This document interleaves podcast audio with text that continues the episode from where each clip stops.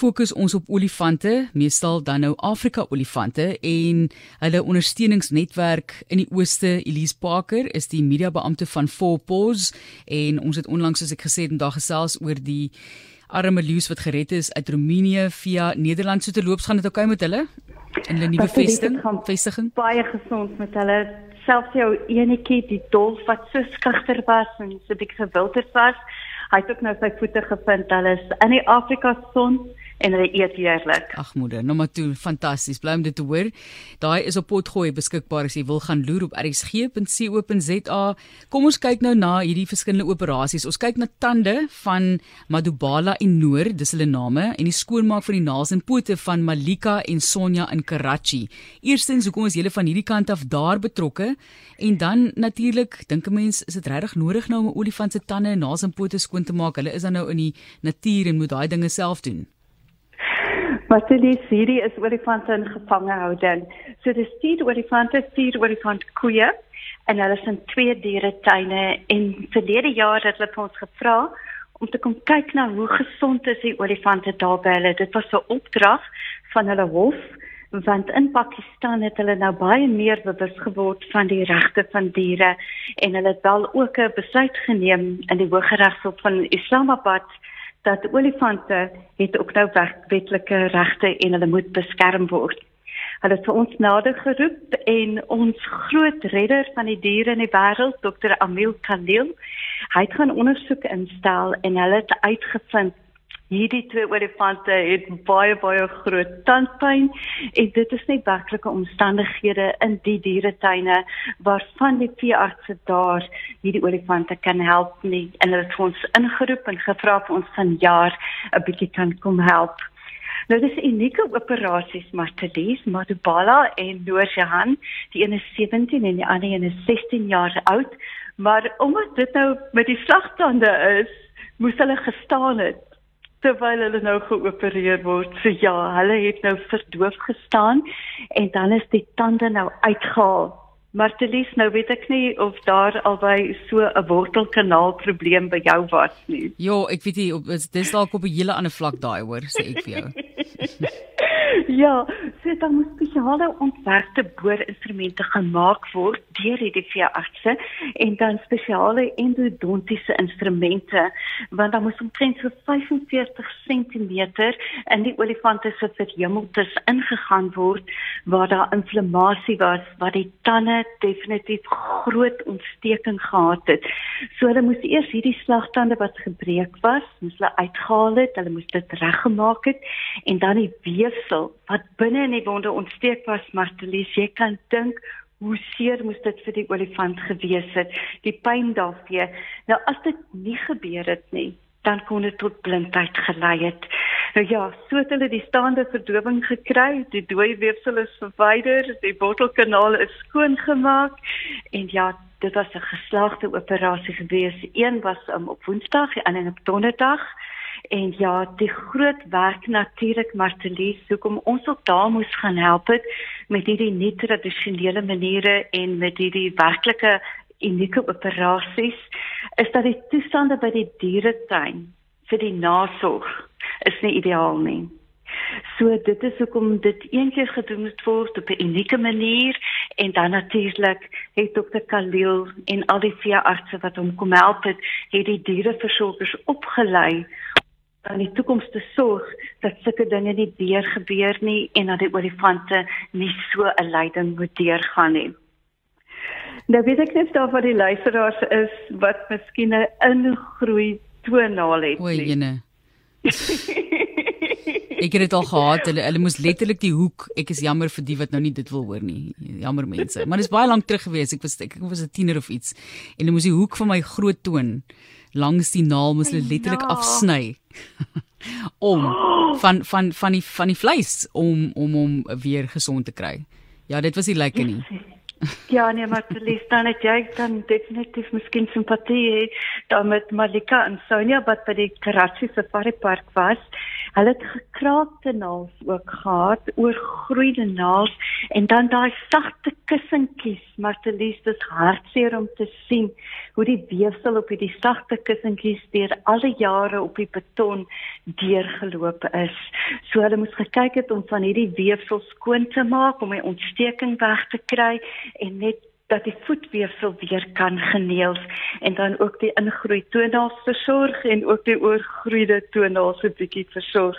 So ja, dis die vier olifante wat ons nou gaan kyk het en wat op die kaleel voorgesorg het dat hulle 'n beter lewe sal hê. Ons is nou gevra om vorentoe te kyk want ons het 'n aanbeveling gemaak dat die vier olifante nou saam in die Karachi Safari Park geplaas moet word. So ons sal dalk weer 'n draai daar gaan maak maar te lees. Maar die groter vraag, hoekom is dit belangrik dat ons olifante dwars oor die wêreld tel? Hierdie is die laaste vier olifante in aanhouding in Pakistan en dit is juist as gevolg van al die agitasie, al die strategiese maniere wat aan um, welsynsorganisasies deur die jare te werk gegaan het, maar te lief dat die hof ook nou hierdie besluite kon neem. Jy weet so om dierewelsyn in die wêreld te verlig, beteken ons kan nie net kyk na waar ons is nie.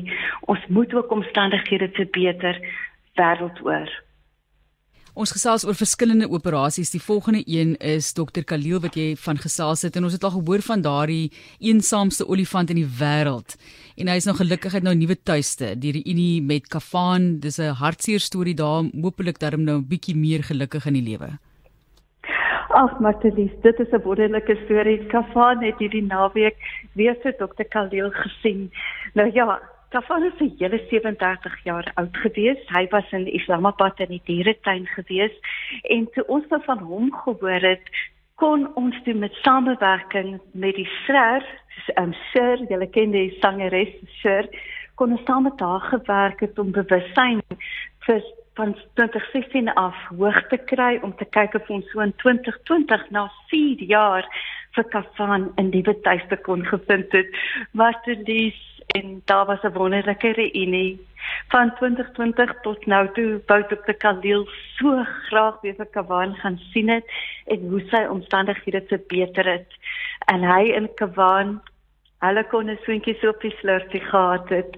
En toe hy afskeid geneem het van Kawan het hy my vir Kavan gesing en ja die naweek kon hy daar weer los getrek het. En Kavan is glad nie meer eensaam nie, lees hy drie baie goeie vriende gemaak en in die toevlugsoord waar hy nou is, het hy tot gister toe um, Dr. Khalil wou gaan kuier het, het hy gou in die oerwoud ingehardloop om so klein breakfastie te maak en toe hy weer vir hom kom groet. Dit is 'n olifant wat vir 30 jaar 'n dieretuin gestaan het. Hy het oorspronklik het hy um as as as 'n kalfie is hy gegee as 'n geskenk vir 'n militêre leier en die militêre leier se dogtertjie het so na 'n jaar nie meer soveel oor vir hom gehad nie en hy het so nou in die dieretuin beland. So wat 'n wonderlike storie. Baie baie nou, mooi. Uit die dieretuin, ja. Ons fokus op olifante vandag en my gas is Elise Parker wat al voorheen met ons gesels het. Hulle doen wonderlike werk by Four Paws en die Paws is P A W S indien jy nou nog nie daai opgetel het nie. Maar ons laaste storie in die fokus op olifante vandag, 'n maandag waar ons die tyd bietjie gesels oor diere vir jou troeteldiere en dan weier soos ons Afrika olifante wat ons na kyk. Wat gebeur met Charlie sê jy, die olifant in die Pretoria dieretuin?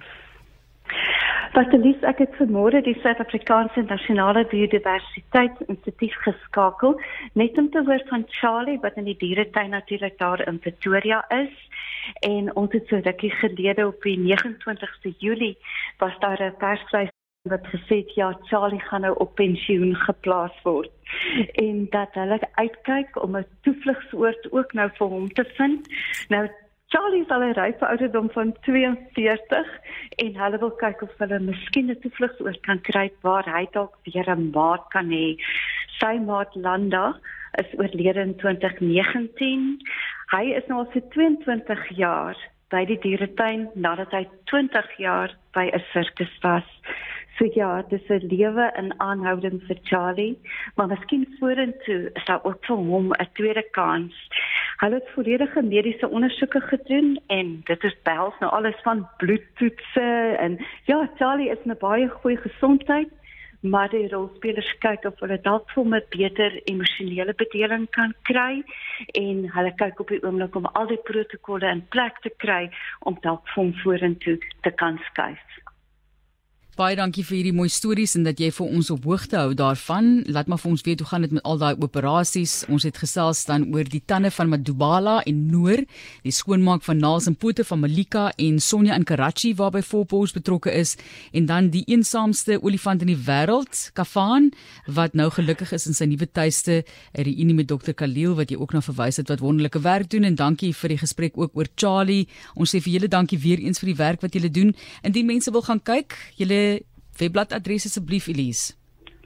Dit is doodgewoon dan nou www.for en dan 'n koppelteken post.org.